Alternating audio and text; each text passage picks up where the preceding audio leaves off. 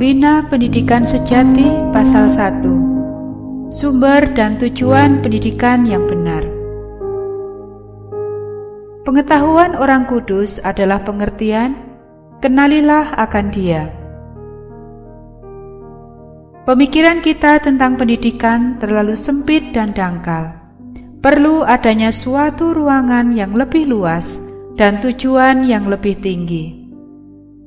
Pendidikan yang benar artinya lebih daripada mengejar suatu arah pelajaran tertentu. Itu artinya lebih daripada persiapan untuk kehidupan yang sekarang. Itu ada kaitannya dengan segenap jiwa raga dan mencakup sepanjang masa kemungkinan adanya manusia. Itu adalah perkembangan yang harmonis daripada kekuatan-kekuatan jasmani pikiran, dan rohani. Itu menyiapkan anak didik supaya senang bekerja di dunia ini dan lebih tinggi kesenangannya dalam pekerjaan yang lebih luas di dunia yang akan datang. Sumber pendidikan seperti itu diungkapkan dalam kata-kata firman kudus yang menunjuk kepada Yang Maha Kuasa. Dalam dialah tersembunyi segala harta hikmat dan pengetahuan. Kolose 2 ayat 3 Dialah yang mempunyai pertimbangan dan pengertian. Ayub 12 ayat 13 Dunia memiliki guru-gurunya yang besar, orang-orang yang kecerdasannya luar biasa dan risetnya luas, orang-orang yang ucapannya merangsang dan membuka pikiran untuk melihat bidang-bidang pengetahuan yang maha luas, dan orang-orang ini telah dihormati sebagai pembimbing dan penyumbang bangsanya. Tetapi ada satu yang berdiri lebih tinggi daripada mereka. Kita dapat menelusuri deretan guru-guru dunia tersebut sejauh catatan manusia yang ada, tetapi terang itu berada di hadapan mereka. Sebagaimana bulan dan bintang-bintang tata surya kita bercahaya oleh pantulan sinar matahari, maka selama pengajaran mereka benar, begitulah para ahli pikir dunia itu memantulkan sinar matahari kebenaran. Setiap pancaran pikiran, setiap kilasan kecerdasan berasal dari terang dunia itu. Pada zaman ini, banyak pembicaraan mengenai sifat dan pentingnya pendidikan tinggi. Pendidikan tinggi yang benar adalah yang diberikan oleh Dia yang memiliki pertimbangan dan pengertian. Ayub 12 ayat 13. Dari mulutnya keluar pengetahuan dan kepandaian. Amsal 2 ayat 6. Dalam pengetahuan tentang Allah, semua pengetahuan sejati dan perkembangan yang benar ada sumbernya. Ke mana saja kita beralih dalam dunia jasmani, pikiran, atau rohani, pada apa saja yang kita lihat, terpisah dari pencemaran dosa, pengetahuan ini dinyatakan. Garis penyelidikan apa pun yang kita tempuh dengan maksud yang ikhlas untuk mencapai kebenaran kita akan berkenalan dengan oknum yang tak kelihatan, yang besar kepandaiannya, yang bekerja pada dan melalui semua orang. Pikiran manusia dibawa ke dalam persekutuan dengan pikiran Allah, yang fana dengan yang baka. Hasil persekutuan tersebut terhadap tubuh dan pikiran serta jiwa tidaklah dapat diperkirakan. Di dalam persekutuan inilah terdapat pendidikan tertinggi. Itu adalah metode perkembangan milik Allah sendiri. Kenalilah dia, Ayub 22 ayat 21, adalah amanatnya kepada umat manusia. Metode yang digariskan dalam kata-kata ini adalah metode yang diikuti dalam pendidikan nenek moyang kita. Ketika dalam kemuliaan tanpa dosa, Adam yang dewasa berada di Eden yang suci. Begitulah caranya Allah yang mengajar dia.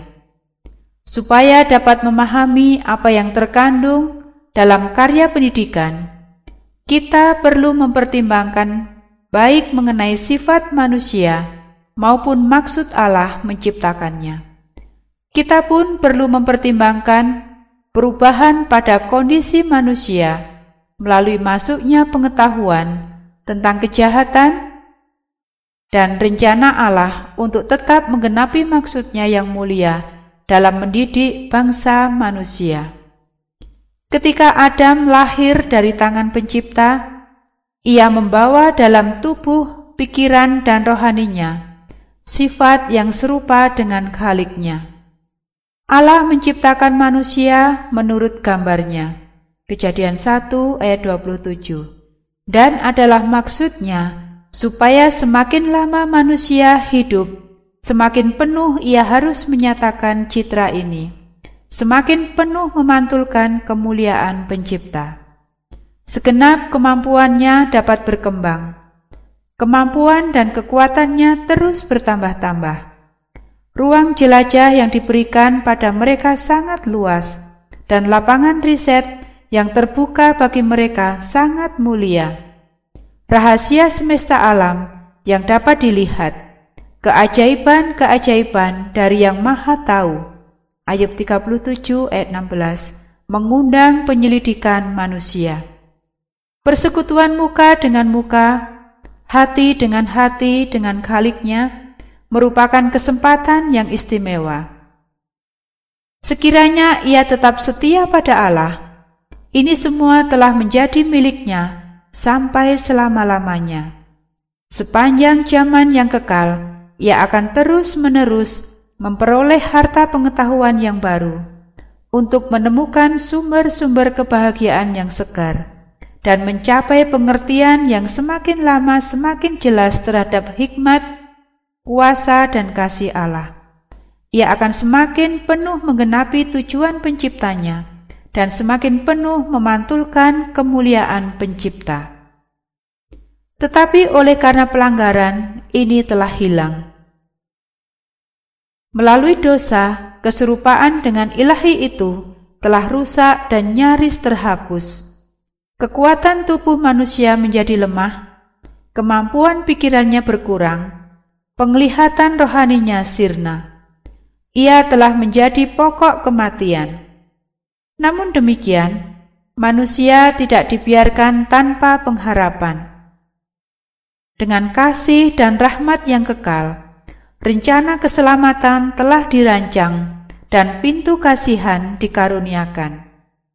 Untuk memulihkan pada manusia citra haliknya, untuk mengembalikannya pada kesempurnaan di mana ia diciptakan, untuk meningkatkan perkembangan tubuh, pikiran, dan jiwa, sehingga maksud ilahi dalam menciptakannya dapat diwujudkan.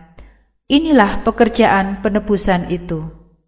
Inilah tujuan pendidikan, tujuan besar kehidupan. Kasih, landasan penciptaan dan penebusan adalah landasan pikiran yang sejati. Ini dijelaskan dalam hukum yang diberikan Allah sebagai pedoman kehidupan. Hukum yang pertama dan besar ialah Kasihilah Tuhan Allahmu dengan segenap hatimu dan dengan segenap jiwamu dan dengan segenap kekuatanmu dan dengan segenap akal budimu. Lukas 10 ayat 27 Mengasihi dia, oknum kekal yang maha tahu dengan segenap kekuatan, pikiran, dan hati berarti perkembangan setiap kekuatan yang tertinggi. Itu berarti bahwa pada segenap jiwa raga, tubuh, pikiran, dan jiwa, citra Allah harus dipulihkan.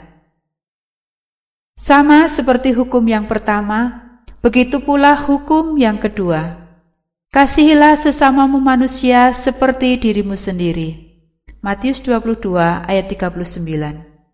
Hukum kasih menuntut pengabdian tubuh, pikiran, dan jiwa demi pelayanan terhadap Allah dan terhadap sesamanya.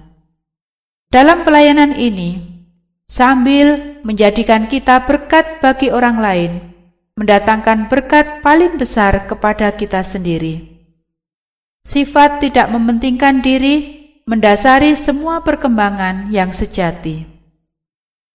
Melalui pelayanan yang tidak mementingkan diri, kita menerima pemeliharaan setiap kemampuan yang tertinggi. Semakin lama, kita semakin penuh menjadi orang yang turut mengambil bagian dalam kodrat ilahi.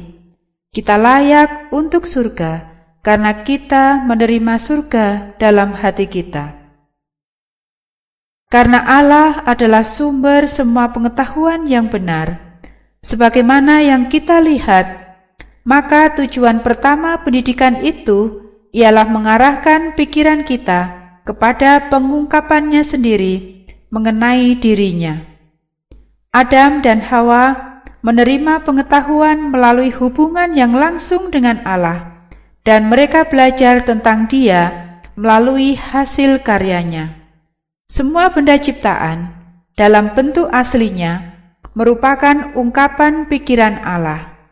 Bagi Adam dan Hawa, Alam ini penuh dengan hikmat ilahi, tetapi oleh pelanggaran, manusia berhenti dari belajar tentang Allah melalui hubungan langsung dan selanjutnya melalui hasil karyanya. Bumi yang rusak dan cemar oleh dosa hanya samar-samar memantulkan kemuliaan Halik. Syukurlah karena pelajaran-pelajaran utama tidak terhapus di atas setiap halaman buku besar hasil karya ciptaannya, tulisan tangannya masih dapat ditelusuri. Alam masih tetap berbicara mengenai penciptanya.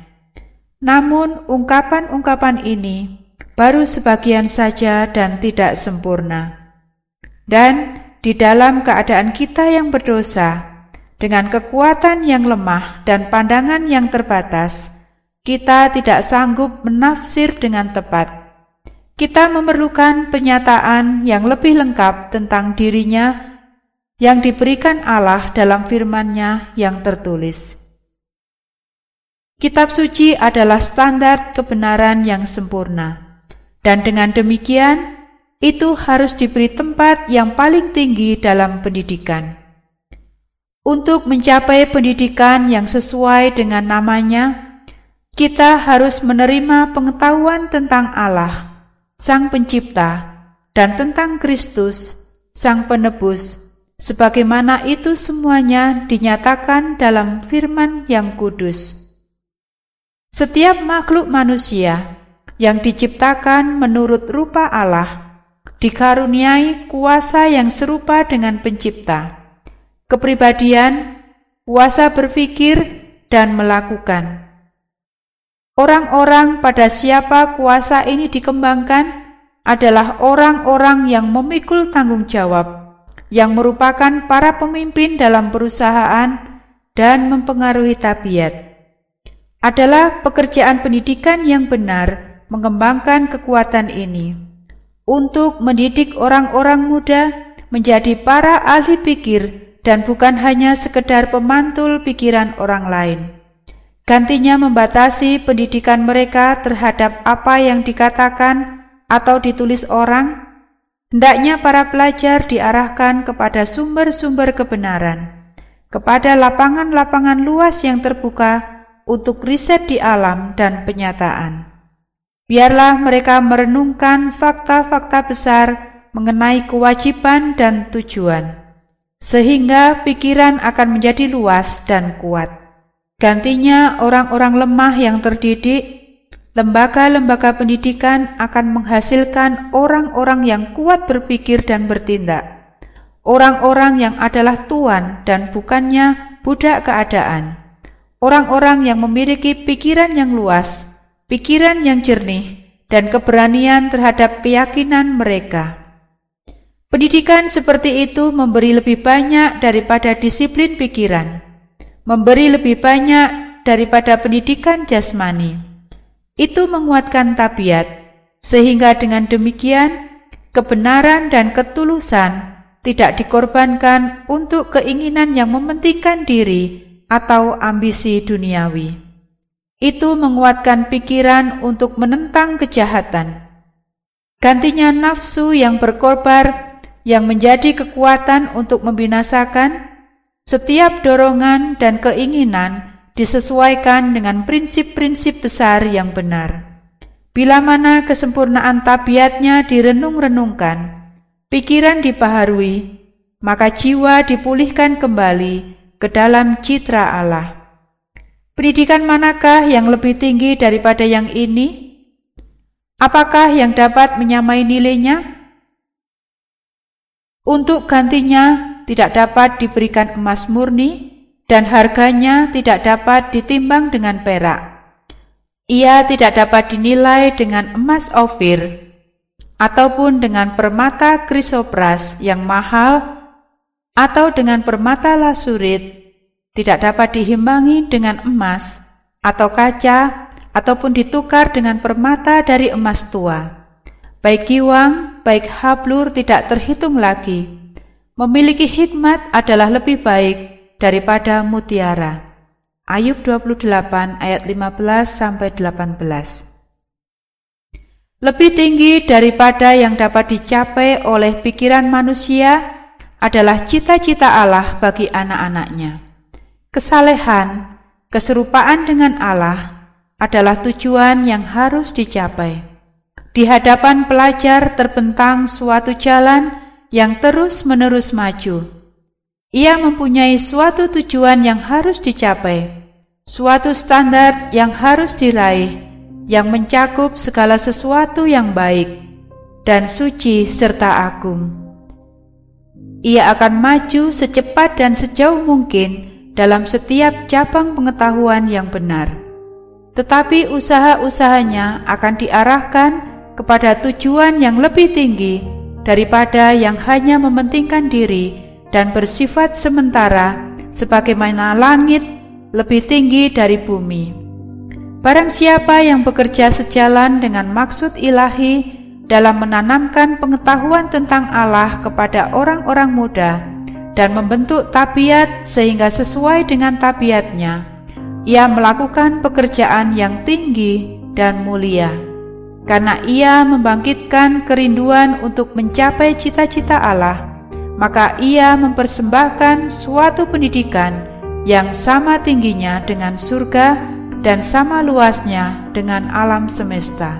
Suatu pendidikan yang tidak dapat diselesaikan dalam kehidupan ini, tetapi yang akan dilanjutkan dalam kehidupan yang akan datang, suatu pendidikan yang menjamin murid yang berhasil mendapat paspornya dari sekolah persiapan di bumi sampai kepada tingkat yang lebih tinggi, yaitu sekolah di surga.